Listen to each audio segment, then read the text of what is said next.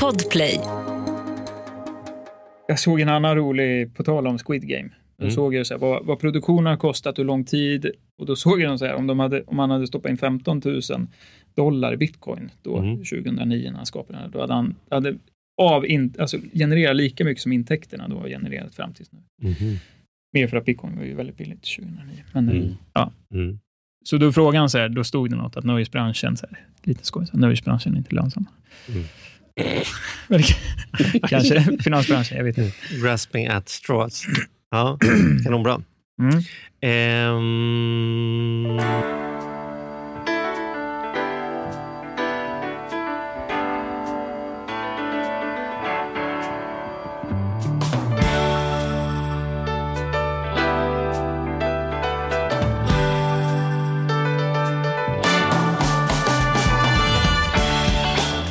och välkomna till veckans avsnitt av Ekonomi på riktigt med Charlie, Mattias och ingen mindre än vän med nålen, Magnus.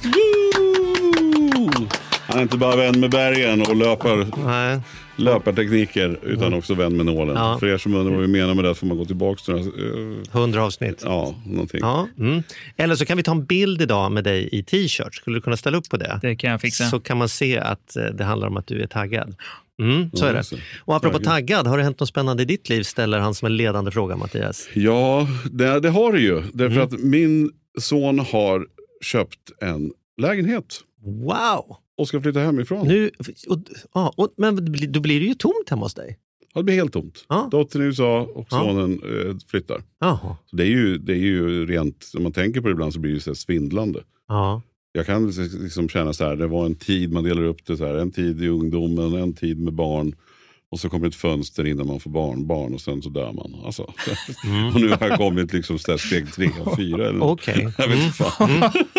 Nej, det tog jag Vilken lite. utförsbacke. Ja, det är bra. Ja. Det funkar det här formatet att du tar i lite grann. Ja, jag tar i. Är du nog orolig? Det kan jag inte svara på detta, men det finns ju den här klassiska, när barnen har flyttat hemifrån. Fuck, nu sitter jag med en fru här, nu måste vi hitta på någon ny relation. Liksom. Vi har ju Ja. varit upptagna med att projektet barn och nu är vi inte det längre. Men det har väl liksom tack vare pandemin skulle jag säga varit så och i takt med att de har blivit större så har vi ju börjat vara mera tillsammans utan barn. Mm. Men Och det- och så har det varit bra. gått successivt eftersom också min son har haft, hans, eh, alltså universitetet har ju, där han går har ju haft distansundervisning. Så han har ju också varit ganska mycket med oss ibland i, på landet. Men sen har han också då varit hemma i vår lägenhet när Malin och jag har varit på landet. Så Mm. vi har liksom fått så här smugit in i det på något sätt. Så, Mm. så att jag, jag känner mig ganska trygg. Det har varit ganska bra. Mm. Att vi har lärt oss att vara själva och vi har lärt oss att, att vara, eh, ja, men fortsätta vara med honom. Och han kommer ju också garanterat att vilja, nu är det så kul så att han trivs att vara med oss på landet Mm. ändå. Mm. Så, att, så att det, blir inte så dramatiskt. Nej. Eh, Men för honom också men- blir det ju Ja, men det är ju en skithäftig grej och det har ju varit Ja. Väldigt mycket på tal om alltså, allt kring det vi ska snacka om idag med boende och sådär. Att, Mm. att, eh, det är kul att se hur han har blivit inspirerad av oss sista tiden genom det här med att han måste ju köpa grejer nu. Men han har så liksom samlat på sig, han har blivit kompis med våran antikhandlare. Så att det är liksom i lägenheten som jag inte tror att han hade kunnat tänkt för några år sedan när vi pratade om det. Eller som jag hade kunnat tänkt. Men att ett mischmasch av här, en möbel från 1810 som är byrån till en, en ny tv som man absolut vill ha till eh, en Ikea-säng till en AJ-lampa. Mm. Alltså, som är sån här, alltså, skithäftigt kommer det nog att bli. Vi Mm. vet ju nu, och det här händer ju om några dagar bara, eh, när jag ska vara flyttgubbe. Men, men det är ju skithäftigt att se hur han har bestämt att han har tagit ut från sina fonder, räknat ut hur mycket han behöver. Och då tänkt så att ja, men jag vill inte ha det här kittet, eh, flytta hemifrån kittet från Ikea Nej. med besticken, för det har alla andra. Mm. Men det är klart att jag måste köpa lakanen och vissa saker, eller vad det nu kan vara, där. Mm. man liksom gör ett kit från Ikea. Man kan köpa själva sängen, men sen kan man skaffa ett, ett, ett överdrag från nå- något annat Mm. företag. Och att han, det häftiga tycker jag då, att han har köpt servis. Sen hade vi i och för sig fått och ärvt och lite såna här gamla serviser och glas. Men han har själv köpt en ny servis som är från 1960-talet. Mm. Han har köpt den här byrån, han har köpt eh, en mortel. Han, har köpt, han, vet, han var ju hos antikhandlaren och Mm. samlade på sig. Liksom. Mm. Ett slagbord från eh, 1800 vi ser när det var, ja men typ 20. Mhm. Som antikhandlaren nu, just nu håller på och målar och pu- putsar till det sista.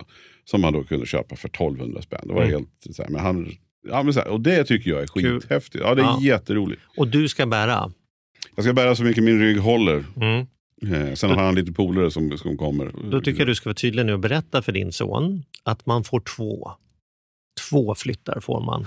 Sen är det slut. Det, ja, det men alltså, ingår. jag är så jävla irriterad på vänner till mig i snart 50-årsåldern som frågar om jag kan komma och hjälpa till att bära möbler. Man köper en våning för 12 miljoner, men jag ska ta ledigt för att bära möbler. Liksom. Skaffa en jävla flyttfirma. Liksom, det är ju förnedrande. Liksom, så här, det har man råd med, men när Ja. det kommer, då ska jag bära. Liksom. Men han, men han har anammat det där med polarna. Att han säger att jag bjuder på pizza och bärs och så kommer vi och flyttar. Ja, det är väl och det tycker jag är minsta man kan begära. Ja, men Ja. det är ju häftigt. Men De två är flyttar, 20. sen, sen får man fan... Ja, absolut. Men, jag, men jag, det är klart att jag kommer vara med nu. Jag ska köra lite släpkärra och grejer. Mm. Det, Ja. nej, men det är häftigt. Och på tal om boende så är det ju eh, jävligt häftigt. Alltså jag faktiskt har suttit med, tagit fram mina gamla kalkyler och eh, Excel och vi har suttit och han och sånt som jag tycker, jag tycker han är, är liksom, fast han är 20, han är inte särskilt ung längre. Jag flyttade hem från när jag var 18, eller Mm. knappt fyllda. Men, men det är också bara det här att förklara det här nu då med amortering, ränta. Ja, men vad betyder det? Och, och, ja, men hur blir det egentligen då? Liksom? För vi har ju då fått gå in som medlåntagare i det här. Mm. Och då eh, har det varit fascinerande att han inte har begripit. Jag tycker han borde ha hört allt hemma. När vi, så vi jobbar och vi pratar och, och ja, men sådär, va, med, med ekonomi. Men ja, men vissa grejer som han verkligen säger, ja, just men hur blir det då? då? Och ränteavdraget, och när får man tillgodoräkna sig det? Kan man få det innan då? Eller måste jag lägga ut de här pengarna? Och, och sen det här hur han har höjt på ögonbrynen då när jag har sagt att ja, men, det är klart att vi har bra, bra bank och det är klart att vi kan förhandla oss till liksom en schysst ränta och sådär. Och- Men då när det är häftigt när man sätter upp det där Excel och sen ser vad det faktiskt gör. Skillnaden på 1% eller 2% eller 3%.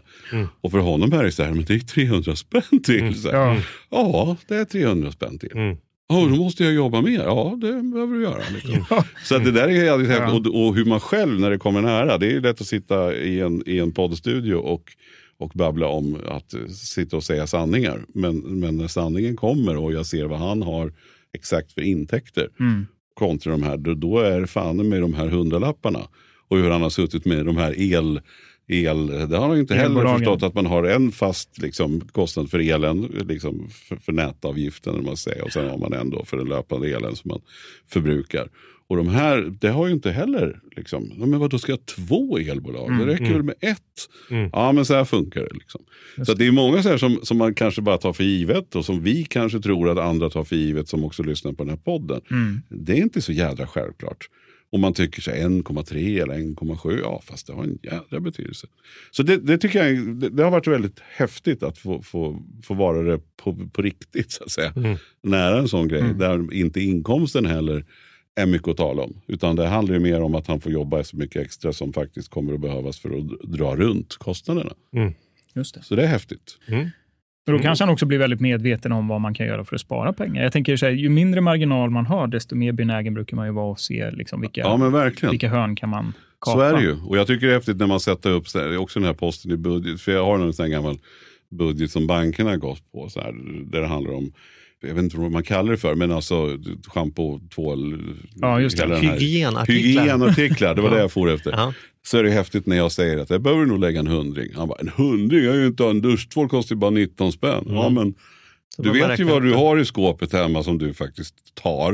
Har du räknat med rakhyveln? Har du räknat med liksom deon, parfymen?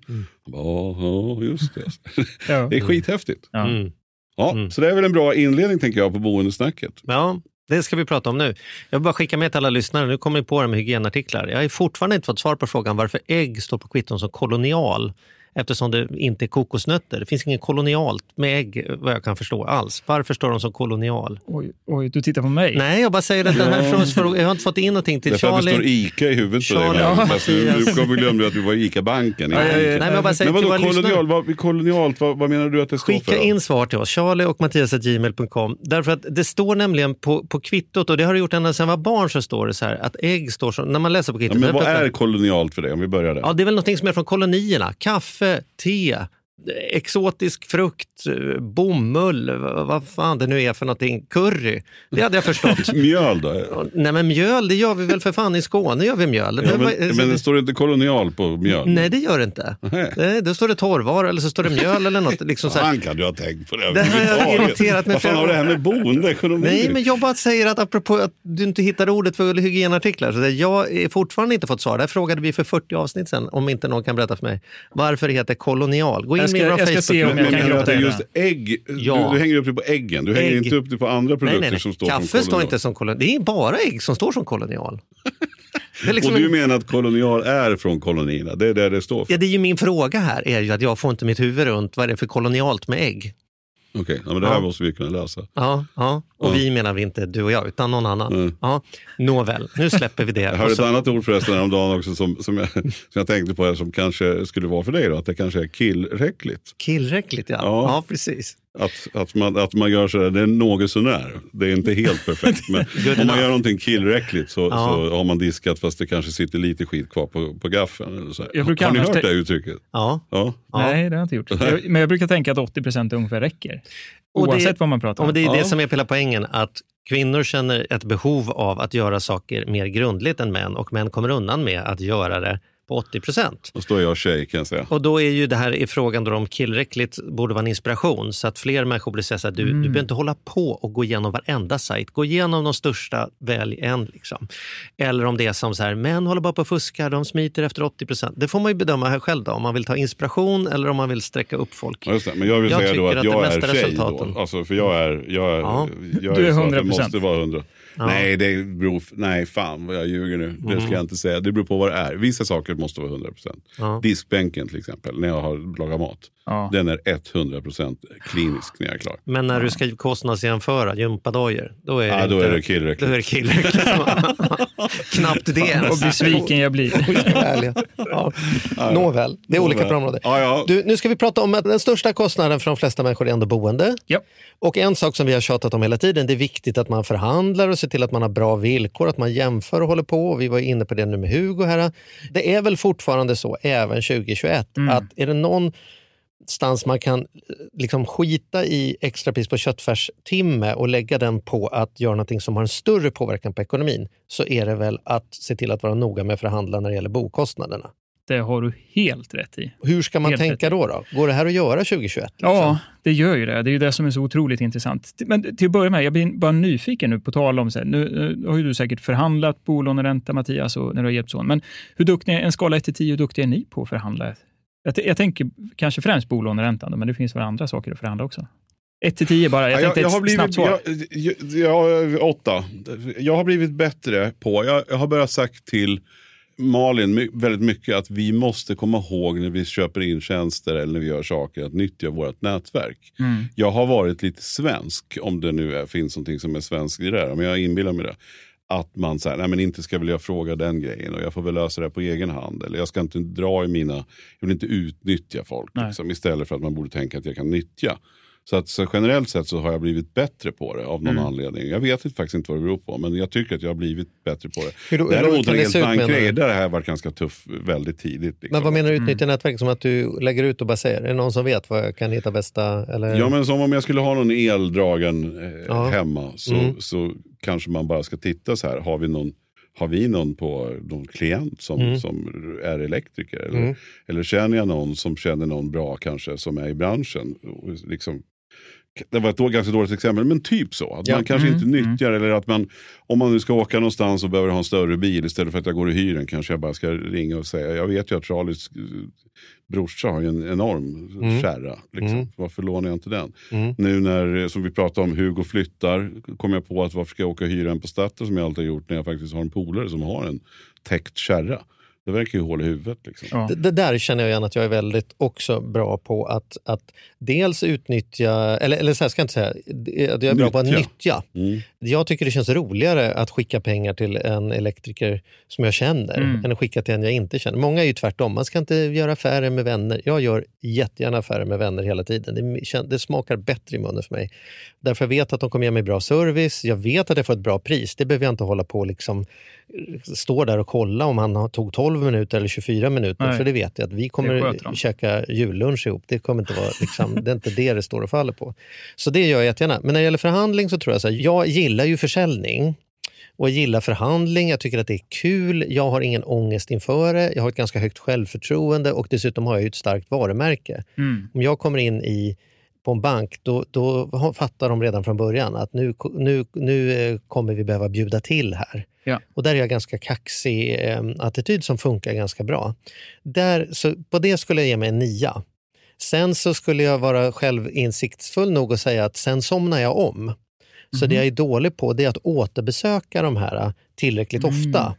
Så att eh, det kanske har kommit bättre alternativ, det har kanske kom, förändrat vår situation så jag kunde byta försäkring. Eller, så att jag behöver ha liksom nästan en stödgrupp för att en gång per år gå igenom de här avtalen.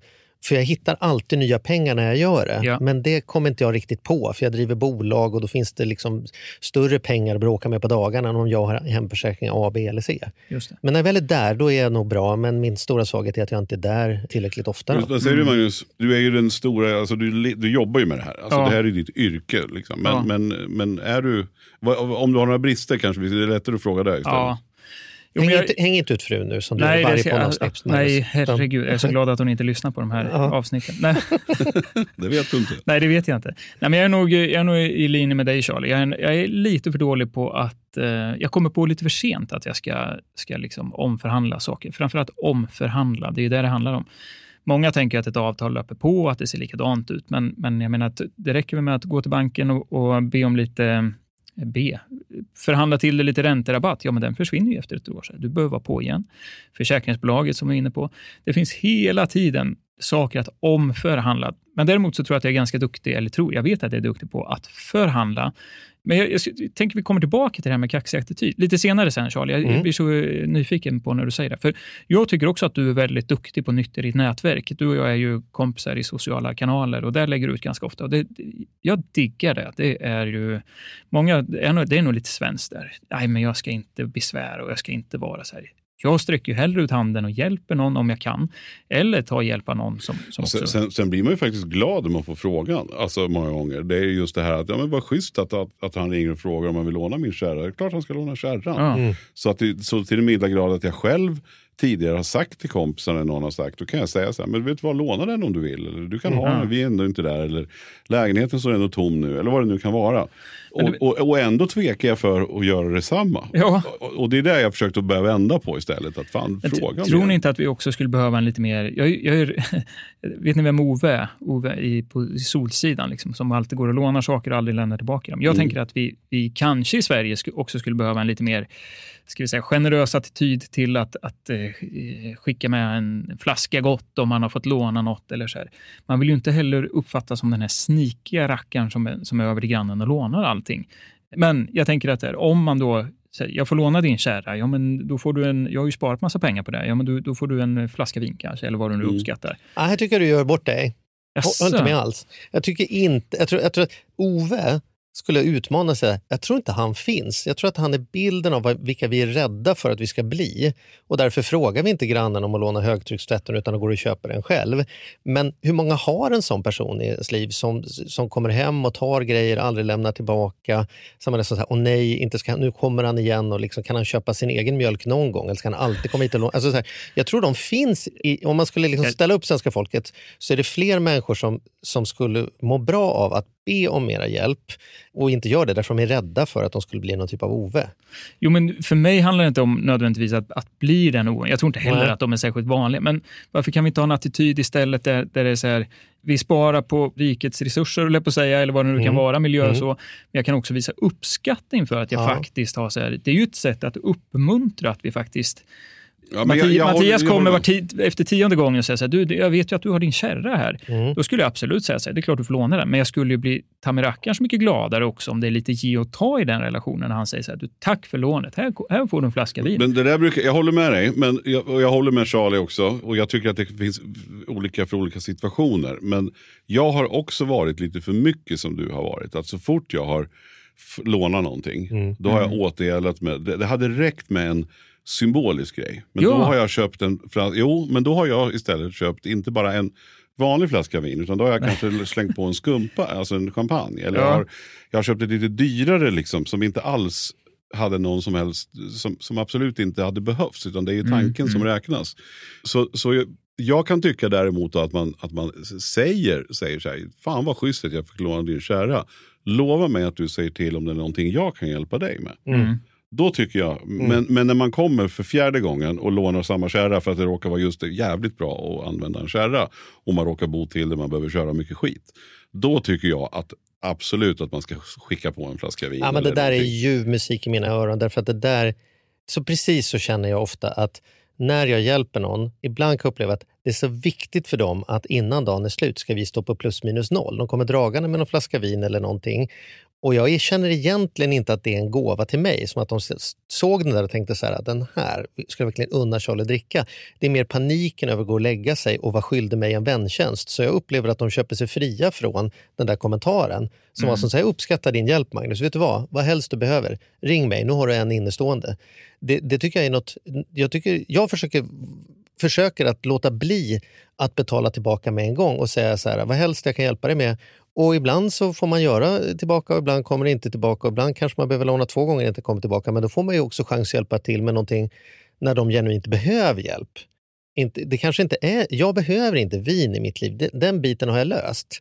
Men rätt vad det är så kanske dyker upp för mig att jag fan inte vet hur jag ska deklarera den här försäljningen av lägenheten och grejer. Så här, men då kan jag ringa Magnus och säga, du det här måste du ha skrivit tio artiklar på. Kan du hjälpa mig med det här? Kan, kan, kan jag komma över så kan du slippa jag skjuta på det här tre dagar till? Då säger självklart, kom över. Herregud, du lånar ju kärran mig. Det är klart jag, du vet så här, bam. Så jag, jag ska ha gärna lite mer skulder på stan och tvärtom. Om man nu ska prata skulder, för att det är ju inte som att det är så jävla viktigt när man dör att det hade gått jämnt ut med tjänsterna. Nej, nej, nej. Så eh, var lite försiktig med att skicka med den där flaskan vin och kolla om du vågar bara vara skyldig din granne en tjänst. Liksom. Den här podden, Mattias, den gör ju vi i samarbete med Klarna. Ja, Det vill vi ge en extra eh, tack och bug och bock för. ja, det vill vi verkligen. Då är det ju brukligt att vi pratar lite gott om Klarna. Ja, och då undrar jag, för en av mina grejer som jag tycker är väldigt bra. Jag som sagt har ju berättat det här tidigare, men det var ju kanske tre år sedan jag vart introducerad om Klarna från min fru. Och då, däremot så måste man ju inte, jag har inte haft Klarna-kortet, men det är ju faktiskt otroligt smart. Mm. Vad kan vi säga om Klarna-kortet då?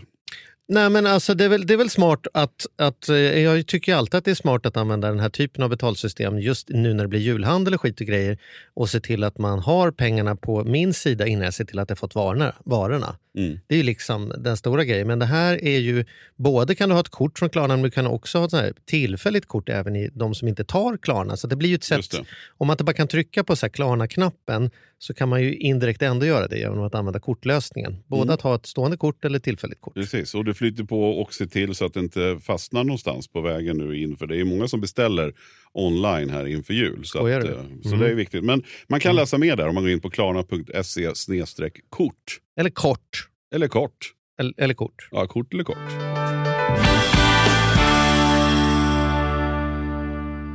Den här podden gör vi även den här veckan i samarbete med Saveland. Fan Mm. vad kul det är att ha dem med ombord. Mm. Jätte, jätteroligt. Ja, vi brukar prata om att man har något band som man såg jag stod Bo Kaspers jädrigt tidigt liksom, innan man gjort tv-debut. Och du har något hårdrocksband som du var jävligt tidig på. Ja, alltså jag var på, på Lilla Teatern Göta Lejon och såg Metallica Ja. 1984. Så gammal är jag. Och jag var i kontakt med Saveland när det fortfarande var typ tre, fyra personer där från början. När jag fick möjlighet att träffa dem.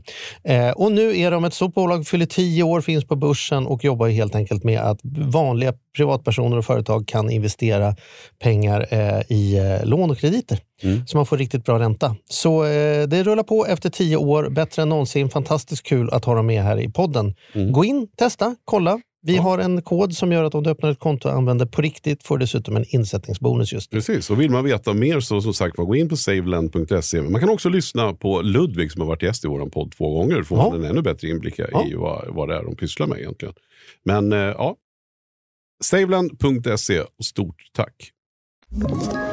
Ett poddtips från Podplay. I fallen jag aldrig glömmer djupdyker Hasse Aro i arbetet bakom några av Sveriges mest uppseendeväckande brottsutredningar. Går vi in med hemlig telefonavlyssning och, och då upplever vi att vi får en total förändring av hans beteende. Vad är det som händer nu? Vem är det som läcker? Och så säger han att jag är kriminell, jag har varit kriminell i hela mitt liv men att mörda ett barn, där går min gräns. Nya säsongen av Fallen jag aldrig glömmer på Podplay.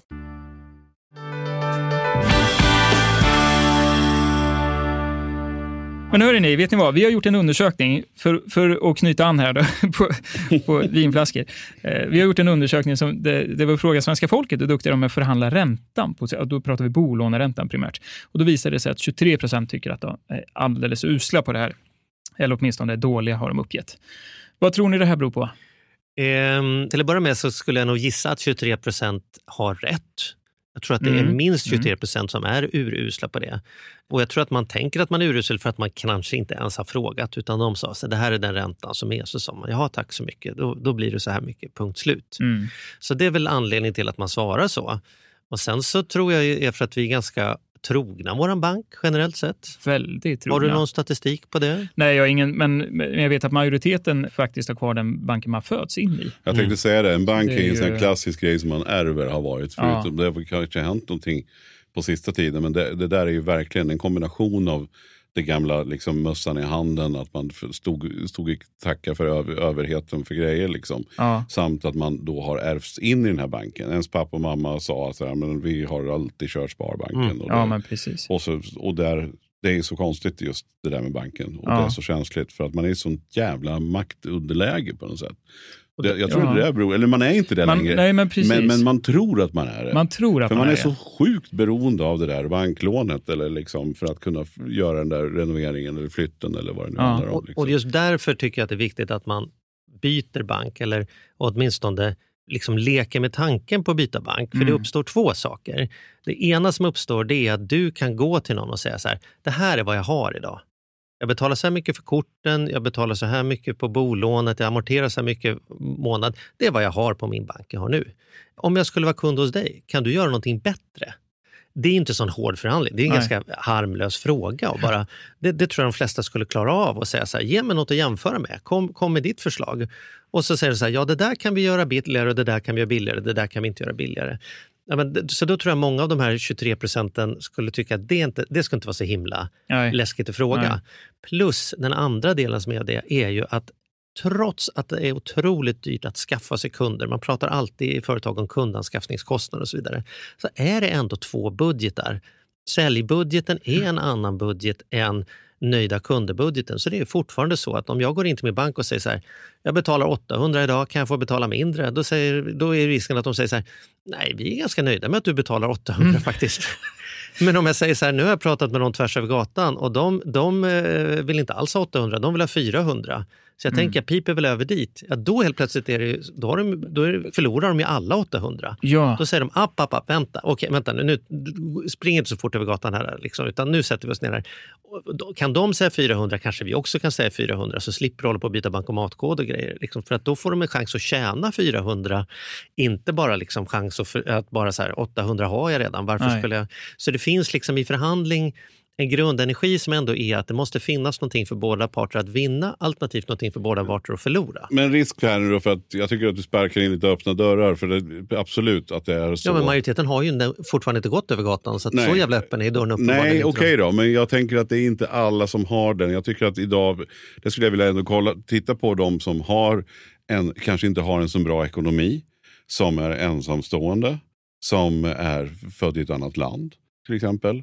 Så tror jag att det är en jävla skillnad och lätt för Charlie Söderberg att vara kaxig när man kommer till en bank. Dels för att, dels för det som du sa, att ja, visst du har ett varumärke, det är ju inte ens en promille som kanske har det. Nej. Det andra är också att du är vit och du är man och du är över 50, eller snart 50. Nu tar du det jävligt långt här inne. Nästan. Nej. Nej, men för, ni förstår ju vad jag vill komma till. Hur ska Ja. man, då vill jag höra Magnus, hur, hur, hur är ni då på, jag menar du representerar ju själv ändå ICA-banken. Mm. Jag tänker att det kanske inte är så jävla lätt om man heter Mohammad eller om man heter Eva och är, jobbar som eh, undersköterska med två barn och man knappt får ihop budgeten.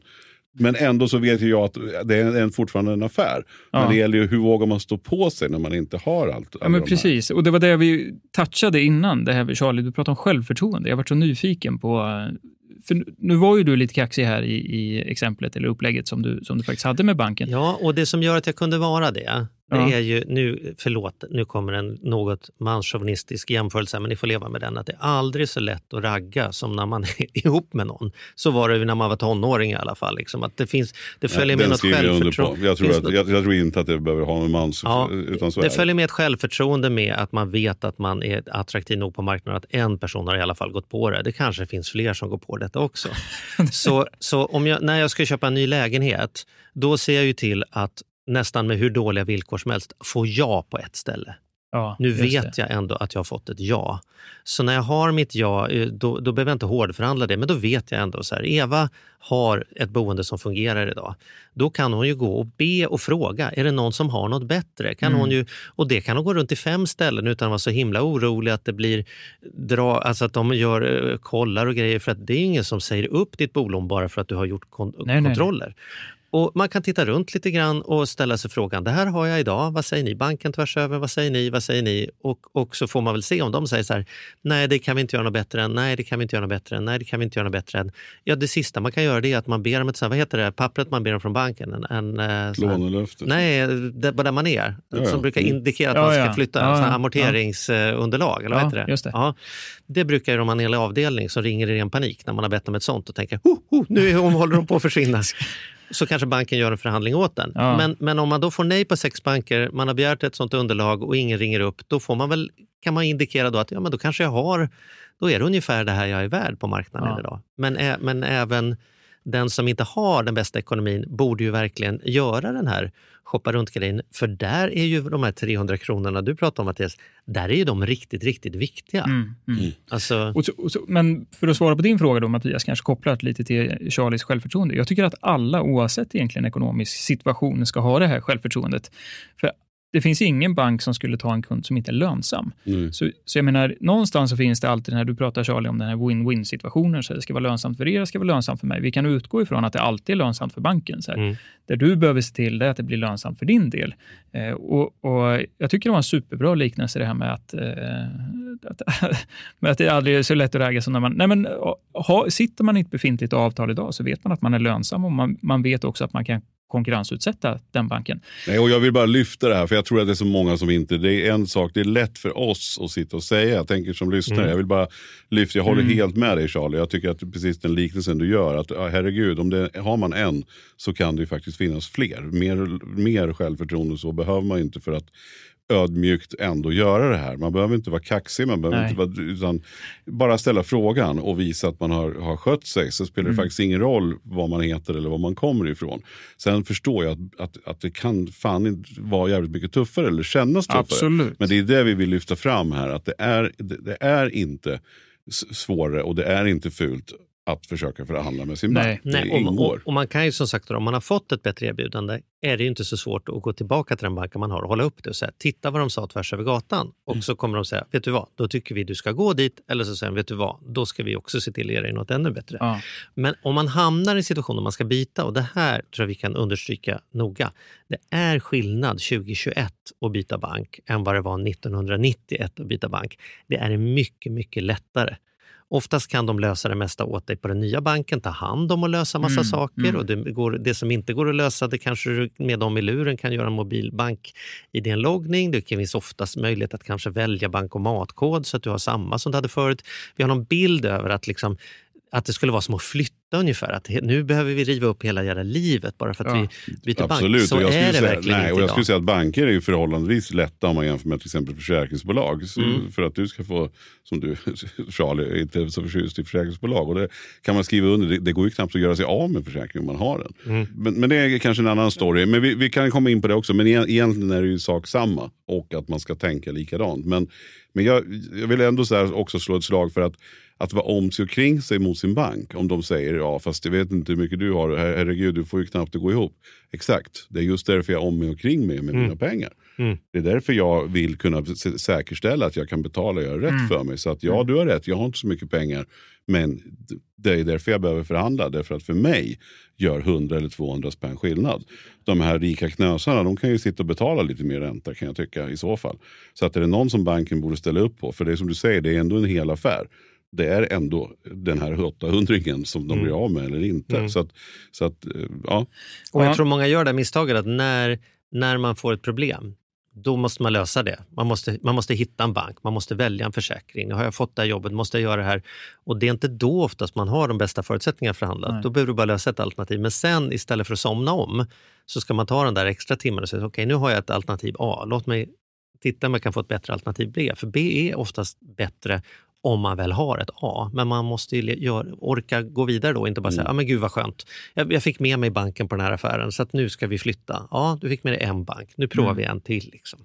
Men det, men, och det tycker jag är eh, viktigt att poängtera här också. Att, så att du behöver ju också vara villig att byta bank. För undersökningen visar också att 71 procent aldrig har bytt bank för att, för att förbättra sin ränta. 71 procent. Aldrig bytt bank. Ja, det är otroligt. Så, så jag tänker också så här... det är när man- när man väl- egentligen. Ja, men det säger är ju det. väldigt mycket om precis det vi sa. Man är, så, man är kanske född in eller extremt trogen banken till Ja. kanske ingen nytta. An- Eftersom man dessutom gör alla tjänster själv numera. Liksom. Antingen så är man ju grymt, grymt duktig på att förhandla hos befintlig bank och det är därför man svarar att man aldrig byter. Men, men så är ju sällan fallet. utan så här, Man tuffar ju på i där man är. Men är man villig att ta klivet så finns det enorma chanser att faktiskt förbättra boendeekonomin. Mm. Enorma chanser. Men, men som sagt, kommer man då till sin, till sin befintliga bank och säger så här, nu har jag fått det här erbjudandet och säger så här, det här kan vi inte matcha. Nej, men då är det så här, byt då. Återigen, det är inte svårt idag. Det är inte alls som 1991. Det, Ska vi säga någonting om, det finns ju några faktorer som kan försvåra det hela. Det ena är om man har bunden ränta mm, kontra rörlig ränta. Och det andra som ofta när den här frågan dyker upp idag, det är ju en oro kring om jag tar ett nytt lån, blir det andra amorteringsregler? Alltså, det, har ju ett befintligt, men nu har spelplanen ändrat sig, så nu kanske jag åker på en högre månadsavgift. Förstår du vad jag menar? ja, absolut. Vad, vad, hur, vad är det som gäller egentligen Ja, här och hur kan man tänka? kan vi också titta, kan vara bra som lite förtugg i diskussionen, att eh, 30 procent ungefär, då, eller 33, har bunden, 33 fast och 33 ungefär då har kombination av fast och bunden. Så visst, det finns ett gäng där som kanske inte vill ta den här förhandlingen eller vara beredd att byta om man nu sitter, eller egentligen 66 då kanske, om man har en fast, fast del och är tvungen att, betala ränteskillnadsersättningen. Så kan det ju vara. Däremot så, så tycker jag att det är viktigt att man har koll, för det, det är också ett helt gäng, det är hela 20 procent som inte vet vad man har för ränta idag och då pratar jag nivån. Men det kan ju också då likväl handla om när jag vet att den här, jag vet att jag kanske band mitt lån på tre år, men jag vet inte när det går ut. Så var det 20, var det hösten 21, 22 eller vad blir det för någonting? Så det är viktigt då, om man nu ska ta det här klivet och faktiskt förbättra sin, sin boendeekonomi, att man vet nummer ett, vilken ränta har jag så att jag kan, kan vara het på marknaden och, och se till att få, få, få en lägre om det nu har sjunkit. Och då ska vi ju veta att som, som ränteläget ser ut idag så har vi aldrig någonsin haft lägre räntor.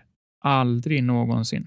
Så den är ju viktig att ta med sig. Och Då kan man ju också diskutera, så här, är det på väg att vända? Ja, kanske. Många säger att det är läge att binda. Riksbanken tror ju att det här kommer att, att dröja ytterligare då ett par, tre år innan man kommer höja räntan. Ja, men vad säger du? Alltså, nu, vi måste stanna där ändå. Jag, jag Ja. måste bara... Eller hur? Inflationshotet, var är vi? Ja, Vad händer med räntan? Eller så här, utveckla färdigt vad du menar. Så, Ja, så nej, men det, det jag tänkte bara säga att så här, det, så, det man behöver vara lite påläst är faktiskt att rota fram de här papperna eller logga in på banken och se till att ha koll. När den fasta med bundna ränta faktiskt löper ut, då ska jag vara på hugget och, och vara beredd att byta. Då skapar jag mig själv förutsättningar att faktiskt lyckas. Här ska Och- man lägga in en kalenderpåminnelse två månader innan räntan Ja, men det tycker jag. löser Det, upp så ska man ping, ping, glöm nu inte bort att snart nu är det läge att kolla över detta för Jag nu släpps den lös om några jag visste inte om du skämtade eller inte, men jag tycker Nej, faktiskt nej, man ska jag gör göra det. För det. det, Mm. det är så mycket pengar vi pratar om. Det kommer man väl inte ihåg tre år senare? Fan, Nej, hur ska man kunna göra det? Mm. Jaga liksom, eh, fan det var 50 öre rabatt på ketchupen. Så här. Ja, Mm. Det är väl superbra att vara, vara lite vardagsekonomiskt, men det är ju det big bucks här. Det är jättemycket pengar om man har större Mm. lån.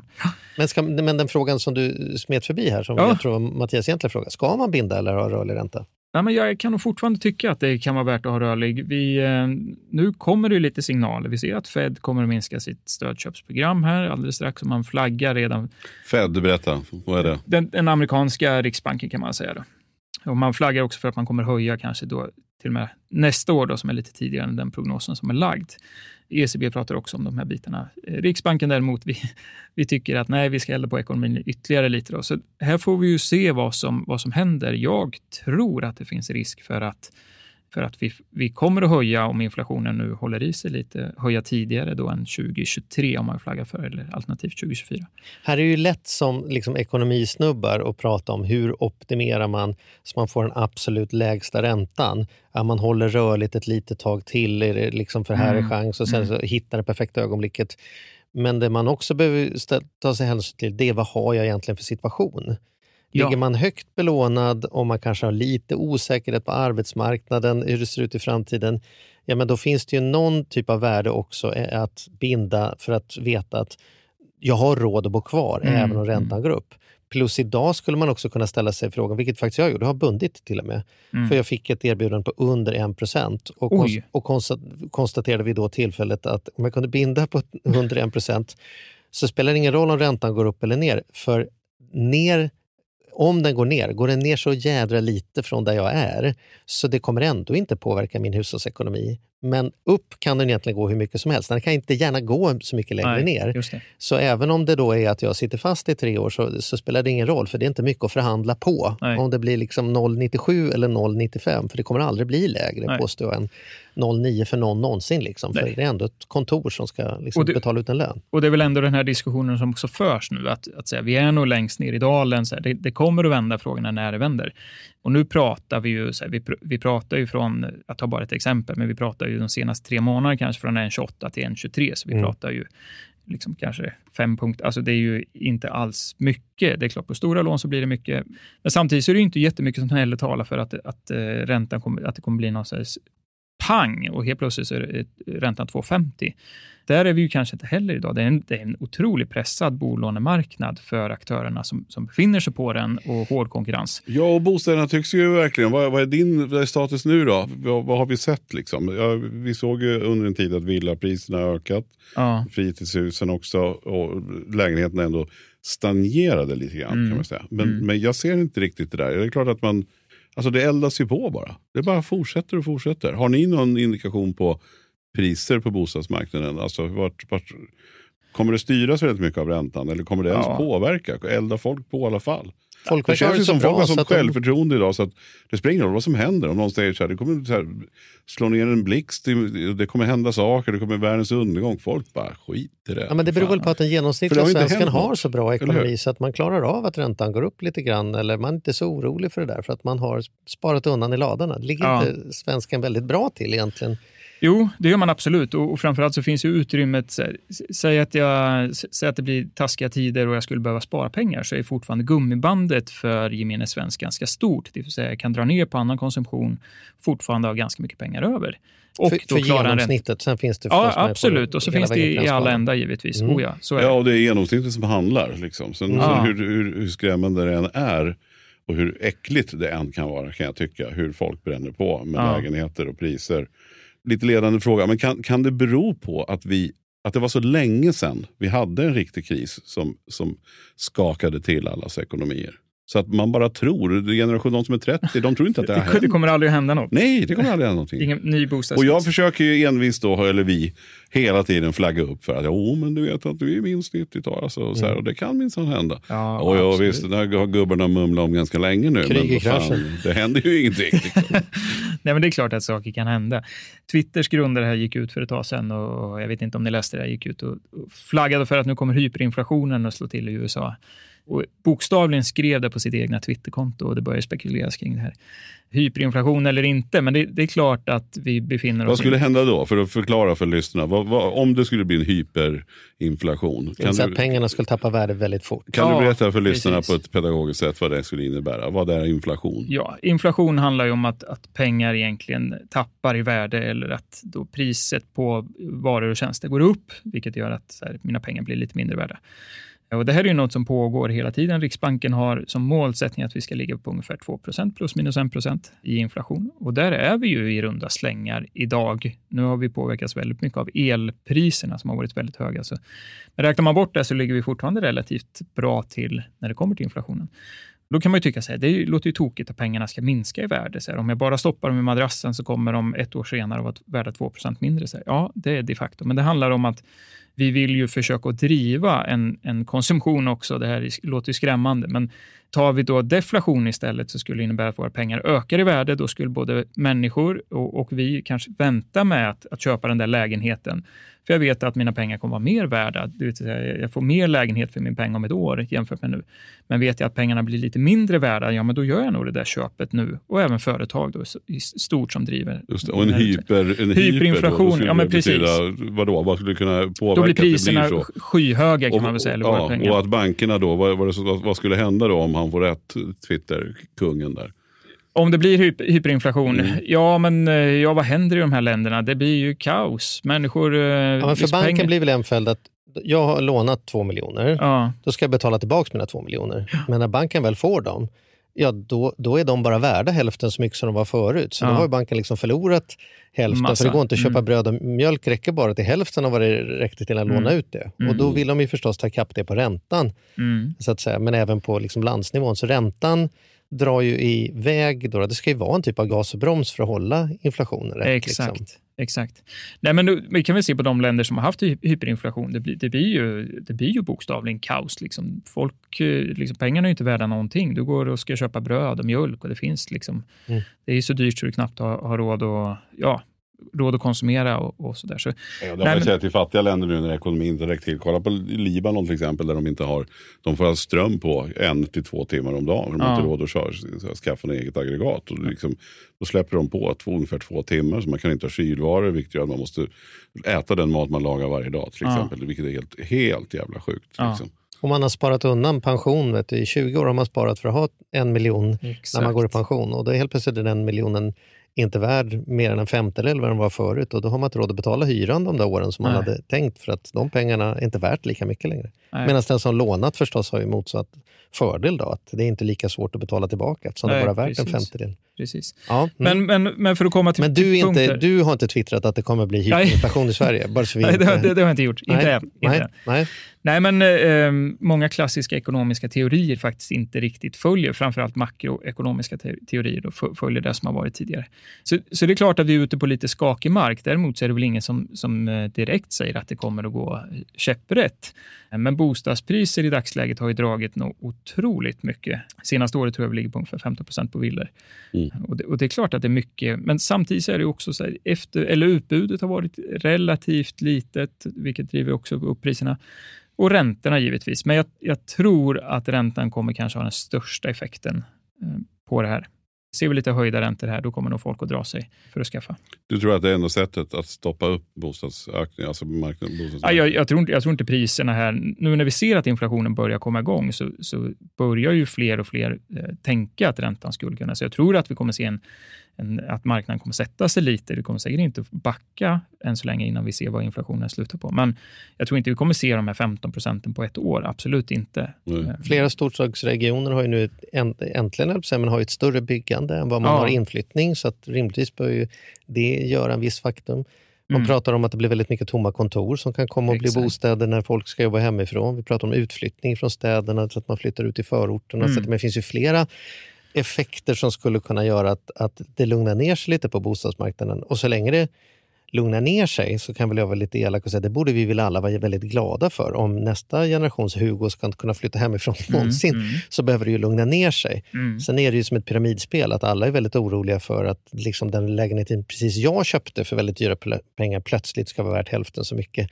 Men på lång sikt måste vi ju få någon typ av liksom, sättning på marknaden, eller åtminstone lugna ner sig lite. Man ska ju inte tjäna en miljon per år bara på att bo i villa i ett dyrt område. Nej, liksom. nej, det, nej, nej, nej. många gånger så tjänar man ju, alltså det är ju, bo sig rik liksom. Man har ju, man har inte behövt jobba på vissa mm. nivåer om man har gått in. Det är ju, helt, det är ju helt sjukt. Och räknar man efter mm. så måste man ju säga att de pengarna måste ju, någon, den ska ju skapas någonstans. Liksom. Mm. Om jag vinner på det måste det någonstans vara någon som betalar. Och om den inte betalar just nu så lär de betala förr eller senare. Då, liksom. sen, sen tänker jag, jag vet inte vad ni tycker om det, men jag lever väl någonstans, det är ju kanske ingen teori, men en tanke i varje fall är väl lite att, att blir det lite skakigt också på finansmarknaden som vi såg här under pandemin när det drog igång där så rekylerade ju börsen kraftigt och, och drog ner. Och det här lugnade ju bostadsmarknaden lite under sommaren där man varit lite mer orolig för sina, sitt sparkapital, de pengarna man faktiskt hade jag tänker att, jag menar, nu har det varit en skakig tid på börsen. Det handlar ju mycket, återigen kopplat till ränteläget. Mycket kapital söker sig till börsen när räntan är så låg som den är. Men ser vi nu att Fed eller ECB börjar höja räntan, då kan vi ju kanske också se en lugnare börs som ändå har varit fantastiskt stark de senaste åren. Och där tror jag också att vi kan få en effekt. Eller allt hänger väl givetvis ihop, men jag tror att många kan dra öronen åt sig när man ser att, att, att börsen kanske börjar vända, att det spiller över så pass mycket på fastighetsmarknaden också. Mm. Så jag tror kanske snarare än, än den reella effekten i, i ränta, att jag ser att mitt bolån kommer, så kanske jag mer blir orolig om, om börsen sticker ner 30 procent, att mina sparpengar som jag tänkt liksom ska vara bufferten om det händer något på bostadsmarknaden försvinner. Men det här är ju lite oklart, för då borde egentligen ha gått ner redan under pandemin, men då var vi mer närvarande till att det var lite trångt hemma när alla satt hemma än vad var närvarande till att vi hade en oroligare ekonomi. Så som du säger, många av de här modellerna har ju inte riktigt funkat på nej. sistone. Men, men, men, men om vi bortser från det, vi var in, en sak då, då som vi vet är ju den här inlåsningseffekten som uppstår apropå lagar och regler och sådana saker kring amorteringskrav och mm. man pratar om liksom mm. lånemodell. Vad, vad, vad är det man kan tänkas behöva ta hänsyn till där när man ska förhandla så att man inte byter bank och hamnar i en situation som blir olycklig utifrån amorteringsperspektiv och annat. Liksom. Den här frågan måste du ha fått, tänker jag. Ja, det har jag absolut fått. Men då ju, måste vi ju diskutera först utgångspunkten. Så här, vill jag amortera så lite som möjligt? Är det, är det tanken? För i min värld så kanske amortering i, i grund och botten är sunt. Jag brukar tänka sig, kan man amortera 2% eller gärna mer, så är det, alltså det är ett sundhetstecken i min ekonomi att jag har pengar över och faktiskt kan se till att betala tillbaka mina lån som någonstans banken ändå kräver. Och så tänker man ju spontant. Då, men å andra sidan om man ska spela djävulens advokat där så ska man säga, men vad, är det, vad, hur, hur, vad får jag för nytta av att amortera tillbaks 2% per år. Om räntan är så toklåg och mm, börsen mm, rusar som den gör, mm. då måste det ju vara bättre för mig att sätta de pengarna på börsen så kan jag betala av hela lånet på två år istället för att hålla på och nöta av i 25 år på, ja. ja. den där 1 procenten eller 2 ja, procenten Det är svårt också att övertyga någon. Alltså jag förstår ju att amorteringslånet för många har blivit någonting ont. Jag håller med dig att det, det, det finns någonting gott med att amortera. Ja. Det finns jättebra saker att man ska betala av. Men, men med facit i handen, om man ska titta på de sista 30 mm, åren, mm. Så, så är det ju ingen som har tjänat på att amortera mot om de hade Nej. låtit pengarna suttit på börsen. Det, här, det är ju liksom det är idiotiskt. Nej, och det är svårt att övertyga rätt. tycker jag folk om. Ja, men jag håller med dig i grunden för jag tror det finns, en, det finns, något, det finns en psykologi med att amortera också. Ja, jag har alltid varit så att man hellre, och jag har betalat för mycket genom åren mot vad jag skulle ha gjort om man hade varit riktigt smart. Liksom. Ja. Men, men det finns ju också en psykologieffekt i att så här, man, man ska betala av, man, vill ha, man har koll då på sin ekonomi, man får en vetskap. Mm. Så Det finns någonting man gillar med det där, men samtidigt så hur ska ungdomarna kom, kunna komma in det, det, kommer ju också drabbas att inte ens föräldrar generellt sett kan gå in som med, för det finns inte marginalerna med amorteringskravet. Mm. Liksom. Så, att, så att, det tycker jag har varit det stora, stora problemet. Absolut, jag kan hålla med dig. Det, det fördelen jag kan tycka som, som många inte missar, men förbiser lite, är ju att utgångspunkten om jag placerar på börsen är ju att jag ska maximera min peng. Liksom. Det är mest pengar övervinner, det är ju lite den tanken. Det jag tycker att man missar lite är ju faktiskt styrkan i att, att eh, liksom förbättra sin ekonomiska motståndskraft. Det är inte inte ligger kanske exponerad mot börsen, då ska jag liksom systematiskt liksom checka ut de vinster jag gör så att jag kan säkra mina pengar. Då kan man kanske likställa det här. Det jag tycker att man vinner med att, att amortera, det är ju att här, min motståndskraft mot mot både räntehöjningar eller priserna dalar, den blir starkare. Skulle det bli rubriker i tidningarna som säger nu rasar bostadsmarknaden, 30 procent beräknas gå ner på det kommande året. Ja. Den som då ligger belånad med 80 procent börjar inte få panik och säga då ja. måste jag sälja idag till vem fan som helst. För ja. annars är jag belånad till 110 procent. Men om man betat av amorteringen där och är nere på 50 procents belåning, då kan man säga att jag kan leva med att det går ner 30 procent. Det, det, sen förr eller senare går upp igen och jag ja. tänker ändå bo kvar. Så det är det som är den här det, det kan bli en... För det är svårt när man tänker så här, ska 2 procent per år, så jag har lånat 4 miljoner ja, de pengarna kan jag ju aldrig betala tillbaka. Liksom. Herregud, det är inte ens som att man blir lite sugen på att ta det. Och så ska det kosta 8000 i månaden. Fatta hur mycket Netflix-abonnemang man kan köpa för 8000 i månaden. Det känns ju, för Ja. många förstår man ju att det känns som pengar i sjön. Om någon säger de åtta kan du slippa betala varje månad, ja, ja. men då blir du aldrig av med lånet. Det skiter jag väl i, det Ja. kommer jag aldrig bli av med i alla fall. Nej. Det är lite svårmotiverat, är det Ja, inte men, det? jo, men jag, jag håller med. Absolut. Men, men ni förstår vad jag är ute efter. Det kan, man kan, kanske är lite så här, jag kommer ihåg när syrran skaffade ett boende för tid. De byggde. Det farsan var ju så här, men gud, hur ska du kunna betala tillbaka de där pengarna? Och syrran tyckte så här, men det är ju banken. Alltså, inte bankens pengar, men hon såg väl framför sig det här scenariot. Mm. Att nej, men jag kommer inte att betala tillbaka. Och farsan såg så här, shit, du lånar flera miljoner, så här, du måste betala 15 000 i månaden. Hur ska ni leva? Liksom? Det var hans utgångspunkt.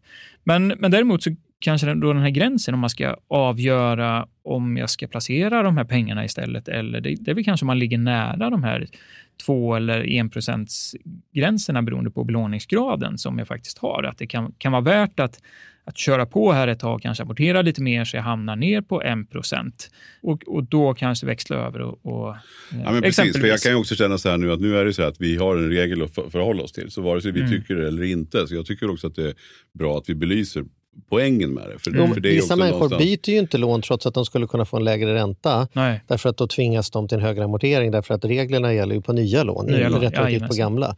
Och det är väl väldigt synd att man betalar mer i ränta varje månad därför att man är ovillig att spara mer till sig själv, det vill säga amortera av på Ja, skulden. Men, men sen får man också Det är komma ihåg att, att vad, vad folk faktiskt skulle göra. Eh, så är det ju så att om de inte skulle bli tvingade att amortera så är det ju inte så att alla skulle sätta, sätta de pengarna i aktiv eh, spar. Utan det kanske blir ett, ett tv-spel till eller Mm. kanske blir en fetare tv eller det kanske varit någonting annat. Så det, det finns absolut poänger med det. Men, Mm. men, men vi ser ingenting, det har varit en lång diskussion om amorteringen här. Men slutligen, det finns ingenting som du ser, det finns ingen sagt att man ska se över amorteringskraven från statens håll. Så. Ja, jo, absolut. Amorteringskraven är ju en av de hetaste frågorna när det kommer till bostadsmarknaden. Hur vi ska se till att liksom reglera. det, men tror du det kommer hända något? Ja, men jag tror nog att... Eh, eh, mm, nu är det snart val och, och hela den här grejen. Ja, men, det är mycket nu, mycket det- diskussioner. det är Inte minst mycket om elpriserna så har det varit hysteriskt sista månaderna kan man säga. Ja, Nej, men jag, jag, jag tror så här, fler och fler partier bör, börjar titta på det. Så eh, kommer det komma innan valet? Nej, kanske tveksamt, men jag tror att man kommer ta tag i frågan relativt snart. Mm. Mm. Ja, okej. Så det är ändå värt att förhandla och man behöver titta på vad det får för effekter. Och här är det inte som om bankerna, liksom, här är bankerna väldigt hjälpsamma. Går Ja. man till en bank och säger vad får det för effekt? Man har varit kund här, hur mycket blir det varje månad? De har ju sina kvar att leva på kalkyler och de har Mm. tagit luft för olika räntor och du kan jämföra. Här är ju då jämfört med om man går in i en mountainbike-affär där det kanske är större risk att man blir påsåld någon man inte behöver eller inte riktigt förstod vad det var jämförelse mellan sadel. Här är det ju väldigt transparent ändå. Banken tar ett stort ansvar för att du ska förstå vad du egentligen köper. Yes. Det kan man väl ändå säga. Yes. Och sen behöver, tycker man behöver tänka på att många gånger bankprodukter är väldigt homogena. Det spelar ingen roll om jag tar hos aktör A eller B, så jag får fortfarande, det är samma produkt jag köper. Sen kan man vara olika nöjd med liksom bemötande och de här delarna om man väger in det och tycker det är, är liksom vettigt. Men jag, jag tror också att det kommer fler och fler aktörer som erbjuder liksom lån till, till fast, alltså en bestämd ränta eller en bestämd ränterabatt beroende på vad man har eller hur mycket sådär. Så jag tror vi kommer se en ganska stor utveckling på själva lånemarknaden där, där fler kommer konkurrera om pengen som finns. Det är ju en enorm, enorm marknad det här och, och bankerna tjänar mycket pengar på bolån. Det är ingen snack om saken. Men jag tror inte heller man ska vara rädd för att vara otrogen. Det var det jag ville komma till, att Mm. fler och fler aktörer väljer att att kanske bara fokusera på att nypa bolånet, om man nu säger så, och kommer med så st- starkt erbjudande, kommer man under 1 procent, ja, jag skulle inte tveka att byta till, till din bank, Charlie, om jag fick det erbjudandet. Och där tror jag att många nöjer sig med det. Och, och man behöver inte flytta hela sitt engagemang hos banken. Så du behöver inte flytta över om du har något pensionssparande eller sparkapital eller andra liksom, lösningar, utan många idag är villiga att bara få tjäna pengar på ditt bolån och är nöjda med den affären. Så, så verkligen våga scouta runt och, och se vad som finns. Mycket pengar att spara alltså. Bra. Mm. Det Ja. får bli slutorden tycker jag. Jättebra, pepp Mycket på den. bra. Pepp på den. Och ett litet bonustips kan väl vara att prata med de andra i fikarummet. Fråga vad de har för ränta. Kan ni börja jämföra och så kan ni konstatera, men vad fan, du har ju billigare än vad jag har. Då ringer ni den och säger, du kan inte jag få det han har? Och vet ni vad, nu stängde jag precis ner min undersökning. Vet du att vi, jag ska återkomma med den här, ska ni få, få, få lägga ut den siffran någonstans. Men vi har faktiskt gjort en i undersökningen har vi också frågat hur många som är, är rädda för att grannen har en bättre ränta eller att man bryr sig om då den här. Mm. Så ja, jag ska plocka fram den till er. Mm. Ja, Ja, det där är spännande. spännande. Alltid en fröjd det här, Magnus. Tack för att jag får vara här. Ja, Kul, stort ja. tack Magnus. Vi kommer att ses snart igen, det är jag säker på. Kul. Du säger så mycket bra saker så går det liksom inte att, ha- att inte ha det här. Tack för idag. Tack så mycket. Vinke vink.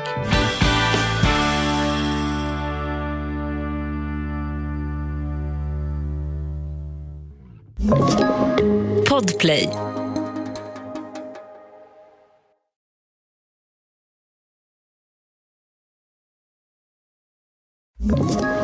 Ett poddtips från Podplay.